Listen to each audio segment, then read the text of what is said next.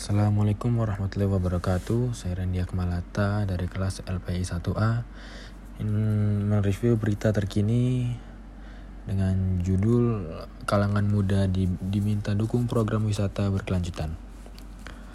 Menteri Pariwisata dan Ekonomi Kreatif uh, Sandiaga Salahuddin Uno meminta anak muda yang tergabung dalam kader muda penggerak pariwisata Indonesia mendukung program Sustainable Tourism atau pariwisata atau wisata berkelanjutan.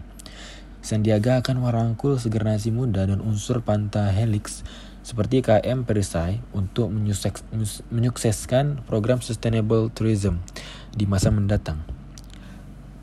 Uh, kata Sandiaga, Keterlibatan generasi milenial termasuk KM Perisai akan diarahkan pada pemaksimalan manfaat, memanfaatkan teknologi digital sebagai instrumen keberlanjutan dan instrumen keberadilan dan juga kita kembangkan SDM pariwisata dan ekonomi kreatif melalui program upskilling, reskilling, and entrepreneurship.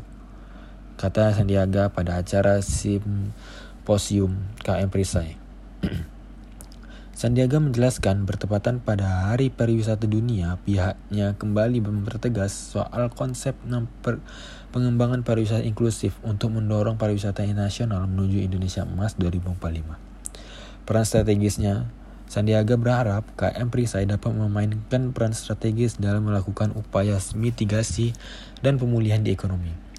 Dia juga mendorong agar dapat beradaptasi dengan keadaan kenormalan terkini dengan mendorong tujuan pembangunan berkelanjutan atau 17 Sustainable Development Goals. Selain itu, saya berharap teman-teman KM Prisa peduli terhadap isu-isu berkelanjutan, isu-isu lingkungan hidup, isu-isu sosial, dan isu-isu tata kelola. Bagaimana anak-anak muda semakin peduli terhadap lingkungan, terhadap manusianya, dan juga terhadap kesejahteraan, kata Sandiaga.